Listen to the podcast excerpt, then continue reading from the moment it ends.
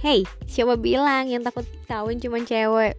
Siapa bilang juga yang diteror sama orang-orang kapan kawin cuman cewek? Tahu gak sih sebenarnya cowok-cowok tuh ditanyain apalagi udah lewat dari 25 tahun kapan lo ngawinin pacar lo? Yuk simak cerita seru bareng sama Afdi Kurniawan yang bakalan share tentang kisah merit fobianya.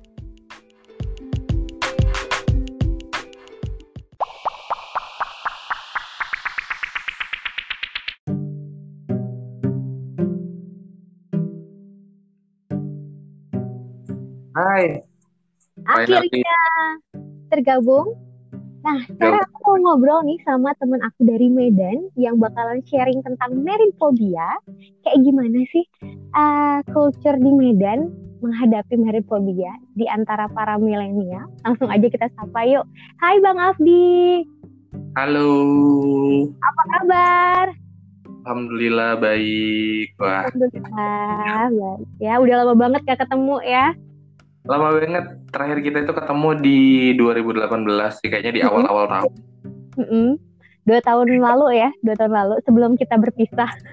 Benar banget, dua tahun yang lalu lebih kurang. Oke, okay, sebelum kita uh, bahas lebih jauh nih tentang Meripobia, uh, eh, kita pengen kenalan dulu dong sama Bang Afdi. Afdi ini siapa sih? Boleh ceritain profilnya nggak? Iya, uh, aku sih apa ya seperti orang pada umumnya ya gitu. Jadi kebetulan aku memang bekerja di uh, salah satu laboratorium layanan medis. Uh, hmm. Sebenarnya uh, laboratoriumnya nasional, cuman kebetulan memang aku di cabang untuk wilayah Kota Medan gitu. Nah, hmm. sebelum adanya uh, pandemi COVID-19 ini sih biasanya di weekend itu di Sabtu Minggu sih aku ngisi kegiatan sebagai MC sih. Jadi ngamen-ngamen gitulah ya. Wow, ngamen. Terus? Ya. Kayak gitu sih paling. Oke, okay, ya, jadi Bang Abdi selain kesibuk... karyawan? Hmm, uh, kalau sekarang sih kesibukannya paling nambahnya itu uh, jadi papa muda ya. Sih. Udah berapa tahun sih babynya? Uh, belum baru tiga bulan sih. Eh, berapa bulan? Empat. Serius baru tiga bulan. 14 Mei kayaknya pas tiga bulan gitu sih lebih kurang. Dan Bang Afdi ini adalah papa siaga ya, yang yang nidurin, yang ngegendong itu malah bapaknya ya dibanding emaknya. Anaknya itu kayak anak ketek bapak gitu loh.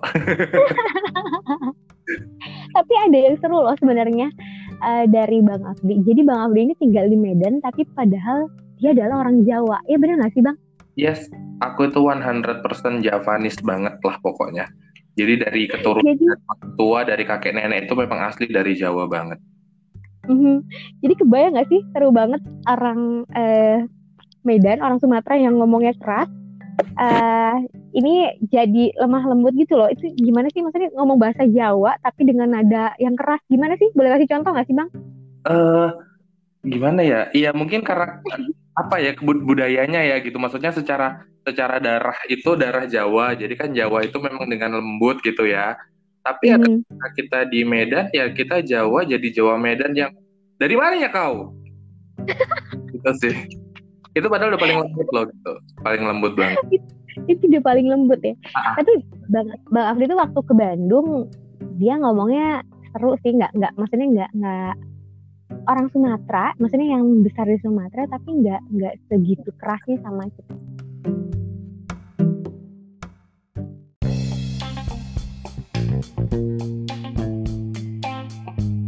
Karena udah kenalan sama Bang Afdi, yes.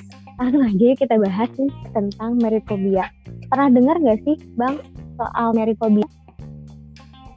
Uh, kalau dengar sih pastinya pernah ya gitu uh, tentang merit phobia itu. Jadi ya apa ya kalau aku sih mau mengartikannya sih simpel aja gitu kan. Uh, merit adalah membina hubungan gitu ya menikah dan segala macam. Kemudian fobia ketakutan. Jadi ya aku mengartikannya cuma kayak merit phobia itu ya orang-orang yang memiliki ketakutan uh, sama yang namanya sebuah komitmen dalam pernikahan gitu sih. Lebih kurang gitu benar nggak sih? Benar-benar itu secara umum benar banget. Jadi ketakutan yang timbul uh, akan sebuah komitmen ntar kita ngalamin meripobia ngeri banget gara-gara ditanyain kapan kawin aja bisa bikin orang jadi ketakutan dan gak mau berkomitmen. Yes benar benar benar. Gitu. Karena uh, apa ya ya aku juga pernah sempat ngalamin yang kayak gitu sih sebenarnya.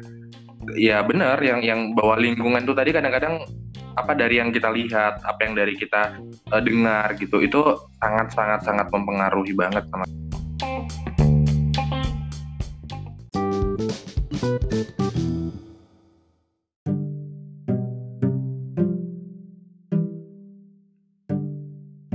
Jadi gimana bang? Bang Afdi pernah ngalamin juga nih meriphobia serius? Iya, karena kalau kita bicara yang ya salah satunya tadi kayak faktor lingkungan gitu kan. Cuman mungkin bedanya uh, aku tipe orang yang yang kayak masa bodoh sih sebenarnya sama omongan orang gitu. Jadi ketika hmm. orang yang secara umum ya orang kayak pertanyaan kapan nih uh, merit segala macam gitu kan. Kapan kawin? Hmm, uh-huh. Kawin bener. Dah kebetulan kan memang aku kemarin itu sempet uh, aku kan kebetulan anak sulung ya anak sulung dan aku itu mm-hmm. uh, cewek jadi tepat uh, di bawah aku gitu nomor duanya. Dan kebetulan mm-hmm. jauh lebih dulu dong meritnya daripada aku gitu. Nah itu jadi lo dilewatin? Yes bener gitu jadi dilewatin gitu. Nah akhirnya ya itu tadi gitu setiap kali orang pulang adiknya udah lu nya kapan gitu loh gitu. Cuman memang kalau yang yang pertanyaan seperti itu sih uh, aku sih orangnya bangsa yang ah ya udah gitu masa bodoh aja gitu kan sama hal-hal yang kayak gitu nggak nggak penting nggak penting juga gitu. Tapi yang yang bikin aku sempet uh, muncul fobia itu tadi justru ketika mendengar orang-orang yang ini loh kayak misalnya uh, di lingkungan kantor misalnya cerita kayak uh, teman-teman kantor itu yang kayak eh suamiku itu begini begini begini gitu. Terus ntar yang suami aduh istriku itu begini begini gitu loh. Ya aku sorry yang ngomongnya jadi uh, gayanya Medan banget ya. Tapi mudah-mudahan sih masih ngerti lah ya masih paham lah ya gitu. Jadi yang kayak kayak gitu sih yang yang akhirnya bikin aku ih merit sampai segitunya ya? Merit itu emang begitu ya? Sampai kayak gitu gitu. Itu sih yang bener-bener bikin fobia tuh jadi kayak muncul aduh siap nggak nih ngadepin ini semua. Kayak gitu sih palingan.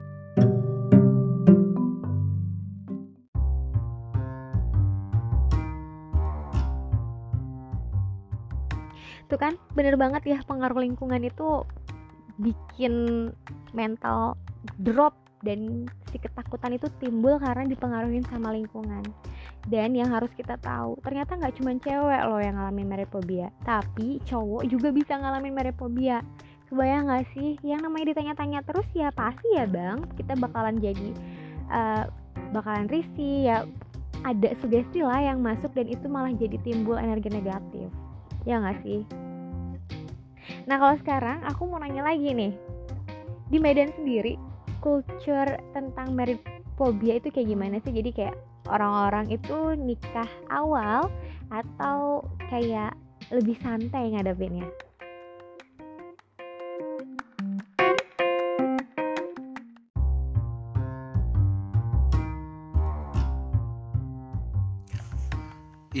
uh, kalau misalnya di Medan sendiri kalau kita bicara masalah pernikahan kalau sekarang ya sekarang itu memang memang sudah zamannya ya dikatakan zamannya milenial ya gitu. Banyak sih mereka kayak jalanin aja gitu loh. Ketika memang di usia muda misalnya sudah mendapatkan pasangan yang cocok untuk diajak membina rumah tangga ya mereka jalan gitu. Mereka menjalani dalam artian mereka berkomitmen untuk menikah. Tapi ketika memang terkadang ada seseorang yang berhubungan dengan karir dan sebagainya yang akhirnya menghambat atau agak sedikit lama menjalani proses pernikahan itu sendiri sih ya kalau sekarang sih santai-santai aja gitu. Khususnya untuk di kota Medan ya. Tapi kalau misalnya di daerah itu mungkin masih banyak ya gitu. Karena memang ya kalau cerita Sumatera Utara sendiri kan juga lumayan provinsi yang luas etnisnya juga lumayan banyak ya gitu. Jadi dari semua etnis yang memang mayoritas Batak ya Batak itu kan juga banyak jenisnya. Ada Batak Karo, Batak Toba, Batak Melayu, Angkola, eh, Pak-Pak dan sebagainya lah gitu. Buat mereka itu memang intinya adalah seseorang itu ah, harus tetap melakukan yang namanya pernikahan gitu. Karena selain yang utamanya adalah mungkin kalau buat orang uh, buat kita yang muslim mungkin ibadah ya ibadah terpanjang itu salah satunya adalah menikah gitu.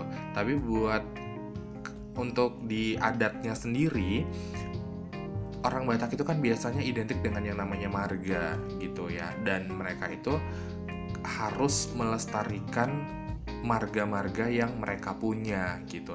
Nah, salah satu cara melestarikannya adalah dengan pernikahan.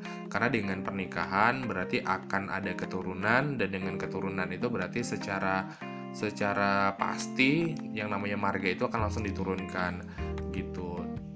Tapi memang kalau dalam pernikahan Batak sih kebanyakan ya, kebanyakan tidak semua gitu. Tapi kebanyakan memang pasti mereka mengharapkan ya paling nggak dalam sebuah pernikahan ada keturunan itu yang wajibnya sih itu harus diusahakan. Kalau bisa harapan terbesar mereka sih harus ada yang namanya anak laki-laki. Kenapa? Karena anak laki-laki itu tadi yang akan membawa marganya gitu marga daripada uh, keturunan sebelumnya. Itu sih gitu. Cuman kalau di kota Medan sih santai lah ya. Maksudnya ya itu tadi.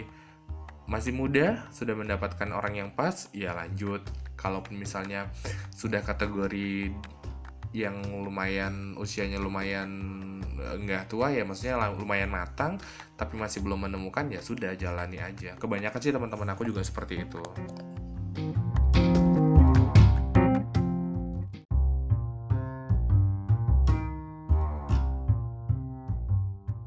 Wah gila sih sumpah gue salut banget sama Medan. Keren banget dengan culture-nya Emang bener banget. Jadi saking banyaknya etnis dan Bang Afdi ini kental banget tentang tradisi, tentang budaya, terutama di kota Medan. Dia banyak banget aktif di kegiatan-kegiatan uh, yang menyangkut pautkan dengan tradisi. Jadi makanya aku penasaran banget pengen ngobrol sama Bang Afdi itu karena ini greget banget kan, dapat banget kan. Nah, kalau sekarang setelah uh, melewati fase merit phobia nih Bang, kan abang tuh sempet LDRan ya. Uh lama banget. Mana tadi apalagi dilewatin sama ade.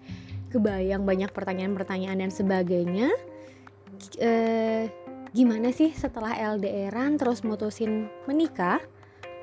Apa yang bikin seru dari sebuah pernikahan? Ceritain dong bang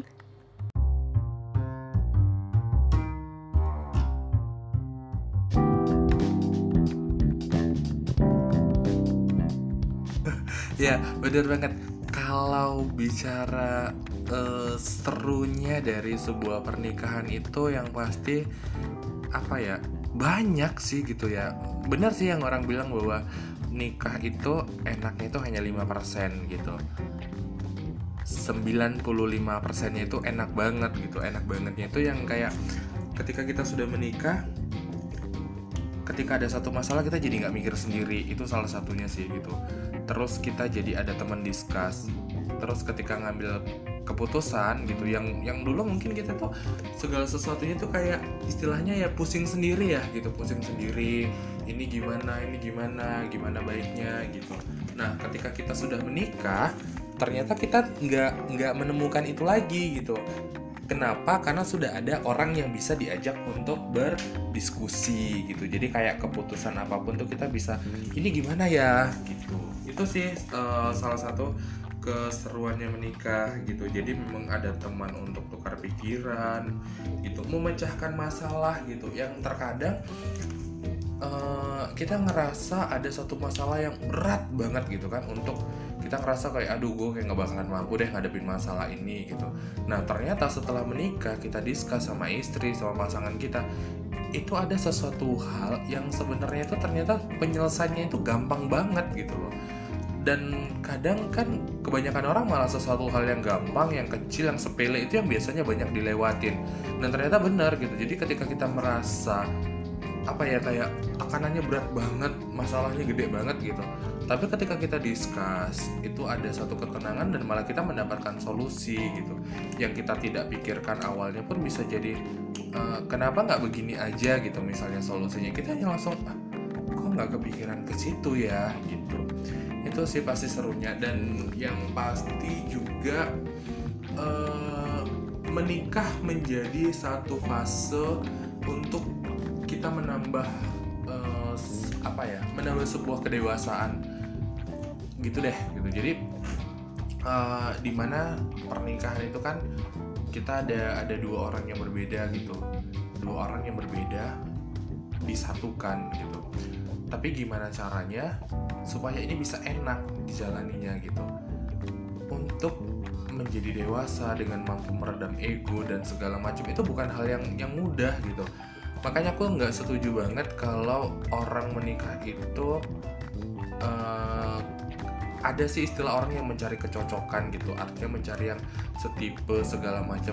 Gue nggak setuju gitu karena pernikahan itu adalah sesuatu yang beda disatukan tapi jadi asik gitu loh istilahnya. Jadi beratnya kayak uh, garam sama sama gula ketemu di gulai atau ketemu di mana itu di, dipanci kuat itu itu perbedaan yang yang jadinya enak gitu. Jadi ketika orang misalnya bilang harus cari yang sama harus cari yang kriteria segala macem harus mirip. Ya aku bilangnya bahwa hidupnya hampa banget gitu. Kenapa? Nggak berwarna lah gitu kan. Pelangi aja itu nampak indah ketika ada merah kuning hijau biru gitu kan. Kalau seandainya pelanginya merah semua kan biasa aja gitu. Atau misalnya ketika gulai ketemunya gula sama gula. Yang ada kemanisan gitu. Karena ya ya nggak enak gitu. Jadi kadang-kadang itu melatih kita untuk bisa kayak meredam emosi gitu ketika istri lagi marah kita gimana harus uh, caranya ngebujuk supaya dia bisa jadi nggak marah lagi. Terus misalnya uh, apa kayak lagi kitanya mungkin kitanya lagi nggak enakan gitu. Terus kadang istri kayak nenangin gitu. Ya halnya sebenarnya sepele sih kayak cuman paling ngebuatin teh nyiapin minum gitu doang. Tapi itu kadang-kadang udah bisa bikin kayak sesuatu yang aduh gitu lega gitu. Jadi ya itu sih suka dukanya. Ya aku bilang sih memang bener. Aku lebih setuju banyakkan sukanya daripada ya duka pastilah gitu namanya masalah ya. Kita sendiri pun kadang uh, sama selain sama teman punya masalah kita dengan adik dengan kakak punya masalah dengan orang tua juga bahkan kadang punya masalah. Apalagi kita berumah tangga orang yang berbeda disatukan yang istilahnya awalnya itu kita bukan siapa-siapa akhirnya kita disatukan dalam pernikahan. Sangat tidak mungkin kalau tidak ada yang namanya masalah gitu tapi uh, serunya itu jadi gimana caranya kita memecahkan masalah ini untuk tidak menjadi masalah lagi gitu. Itu sih serunya nikah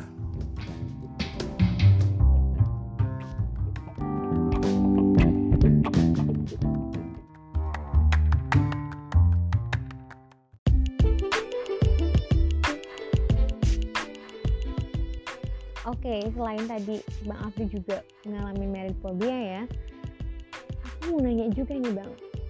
Menurut Bang Afri sendiri nih, sebagai seorang cowok, sebenarnya umur berapa sih yang pas untuk menikah? Jadi, oke kita abain soal married phobia-nya atau ketakutan-ketakutan sebelum menikah. Tapi menurut Bang Afri, kapan sih usia yang pas untuk menikah?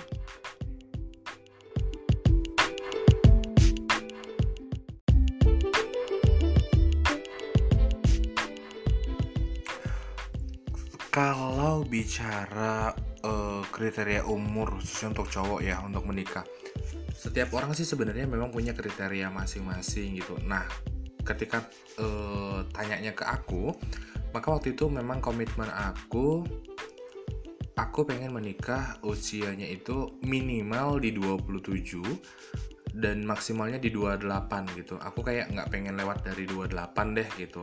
Tapi aku juga nggak mau di bawah 27 gitu.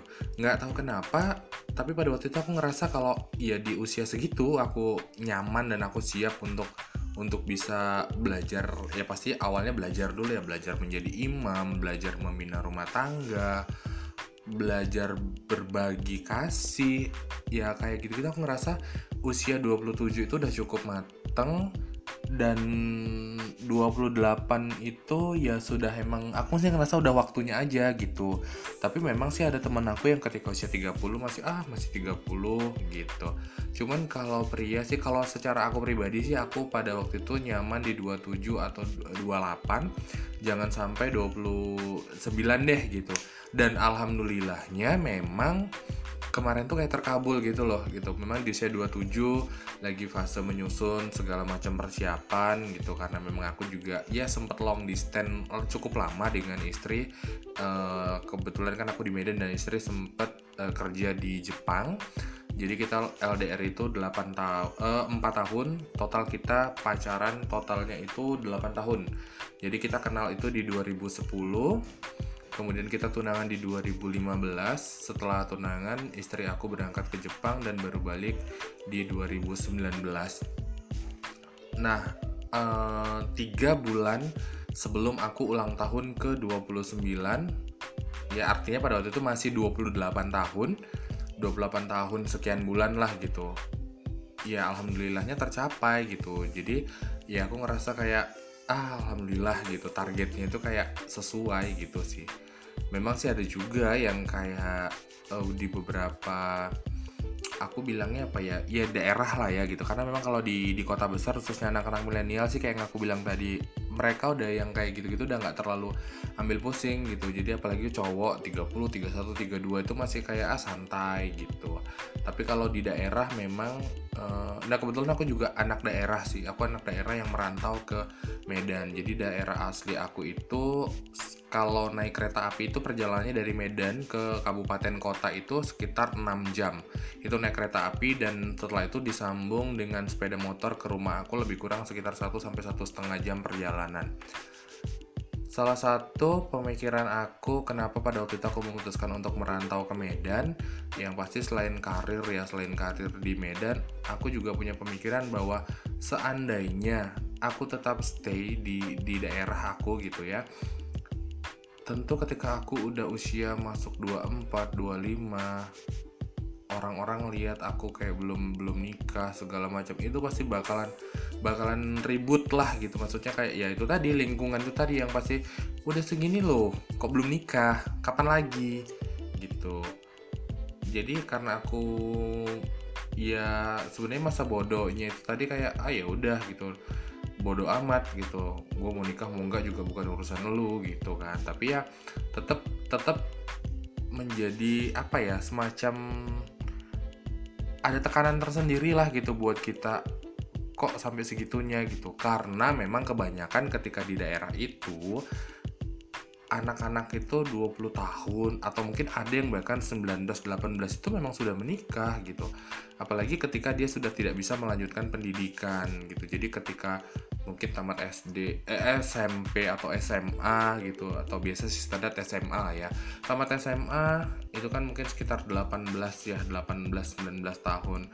Kemudian nanti setelah itu tidak melanjutkan ke perguruan tinggi, ya paling setahun kemudian itu udah pasti naik pelaminan gitu. Jadi ketika aku seandainya 25, 26 tetap di kampung dan belum menikah, ya pasti itu akan menjadi apa ya menjadi omongan orang gitu. Dan itu pasti akan sangat mempengaruhi uh, apa ya ya psikis aku lah gitu. Pasti ngerasa kayak yang aduh kenapa ya aku belum laku? Aduh kenapa? gitu. Tapi karena memang aku memilih untuk hijrah ke Medan ya 26 27 28 sih pada waktu itu yang masih ya pokoknya aku maunya target di 27 28 gitu. Jadi ketika usia 26 orang nanya juga ya masih santai gitu. Karena kebetulan aku juga paling pulang kampung tuh setahun sekali doang Idul Fitri gitu. Jadi uh, di kampung itu juga hanya sekitar 2 atau tiga harian paling lama lima hari udah gitu. Jadi omongan orang itu kayak sebodoh tehing lah gitu. Gitu sih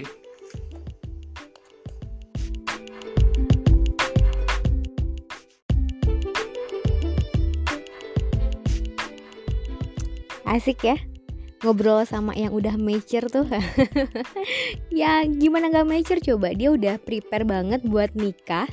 Uh, standar di usia 27 tuh emang bener bang. Gue setuju. Pas banget cowok menikah start di usia 27 karena kenapa? Untuk fase awal 25 because boy is will be boys. That's right. Ya gak sih? Soalnya kayak bakalan banyak banget fase uh, persamaan persepsi dan sebagainya itu yang bakalan menghambat pernikahan karena awal pernikahan itu benar-benar walaupun udah pacaran bertahun-tahun sekalipun yang namanya menikah itu adalah mengalami hal yang baru, dunia baru dan semuanya itu harus disatuin loh dua kepala dan satu kuncinya. Sabar ya nggak sih bang? Oke aku mau nanya lagi. Kalau buat bang Afdi sendiri nih uh, persiapan yang harus dihadapin sebelum nikah tuh apa aja sih selain tadi mental tuh yang paling utama dan pandangan nih orang-orang yang ngalamin married phobia gimana tuh bang?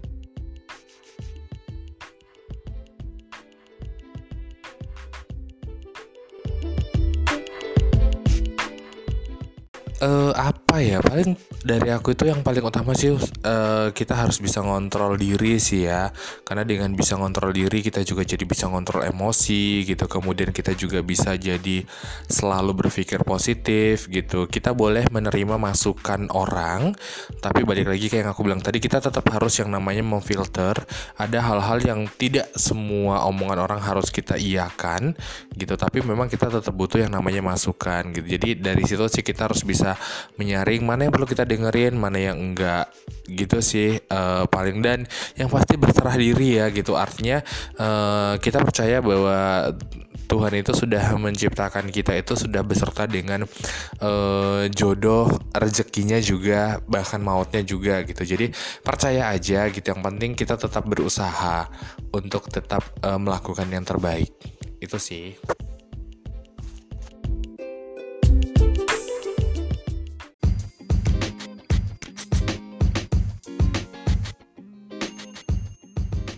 So, saran dari abang nih, saran terbaik yang udah pernah ngelewatin fase dari merit phobia, apa sih kira-kira buat teman-teman yang sekarang udah kayak mulai sadar kayaknya gue nih merit phobia. Sarannya apa sih bang?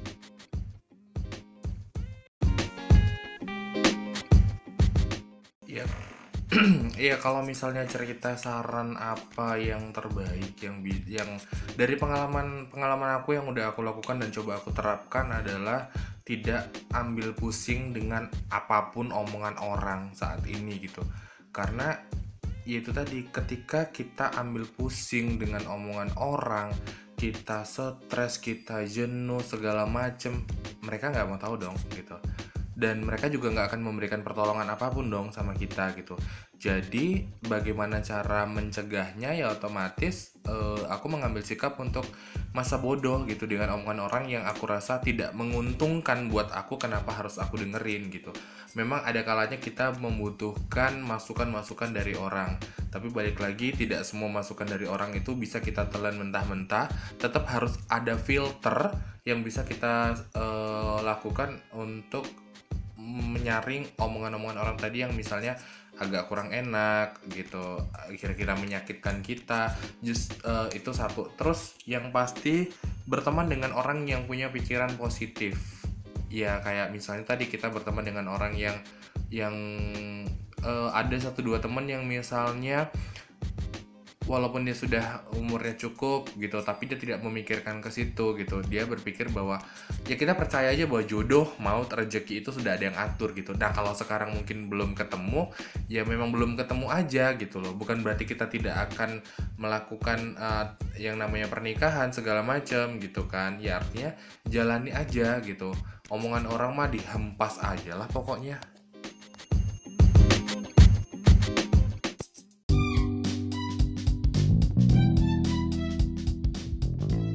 Thank you banget Bang Afdi udah banyak banget share sama kita soal merit phobia yang pernah dialami sama Bang Afdi dan tentunya cara healingnya Bang Afdi itu kayak gimana sih? Nah, Bang Afdi aja bisa lewatin. Masa teman-teman nggak bisa sih? Yakin nggak mau kawin? Enak loh, seru banget. Bang Afdi, terakhir dong closing statementnya tentang merit phobia dan juga semangat buat teman-teman yang ngalamin merit phobia. Apa nih Bang kira-kira?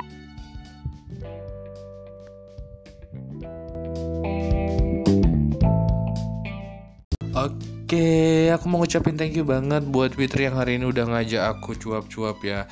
Kayak terobati tau nggak gitu? Karena memang pandemi COVID-19 ini sudah cukup banyak merenggut uh, apa uh, job-job sampingan aku lah ya gitu. Yang biasanya kayak ngamen di weekend dari panggung ke panggung gaya banget ya.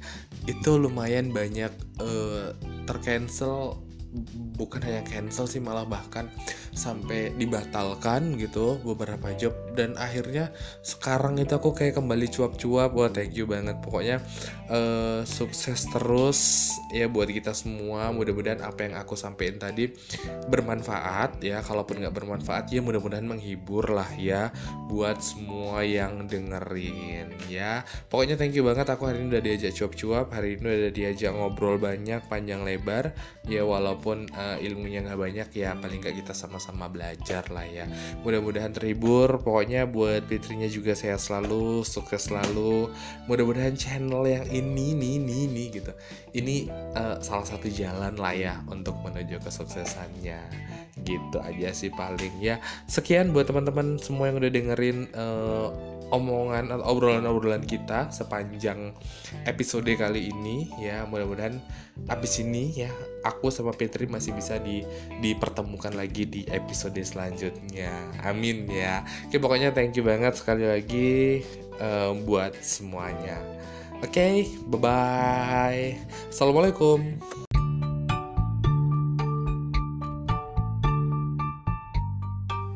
Thank you banget Bang Afdi sekali lagi gue ngucapin terima kasih banyak udah ngeluangin waktunya buat ngobrol dengan host life going dan seru banget ya kan obrolan kita kali ini.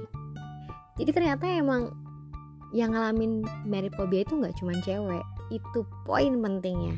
Cowok juga bisa.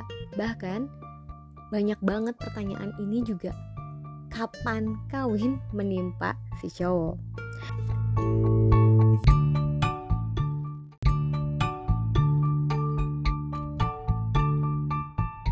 Abaikan pertanyaan yang ganggu kamu. Buang energi negatif dan bangun energi positif. Setelah itu, ketakutan akan memilih pergi. Dan kamu bisa melihat dengan jelasnya, indahnya sebuah pernikahan. Kamu berhak untuk bahagia, tetap dengerin Host Life Going dengan episode selanjutnya mengenai married phobia masih dengan Fitri Afrilian. Dadah, sampai jumpa.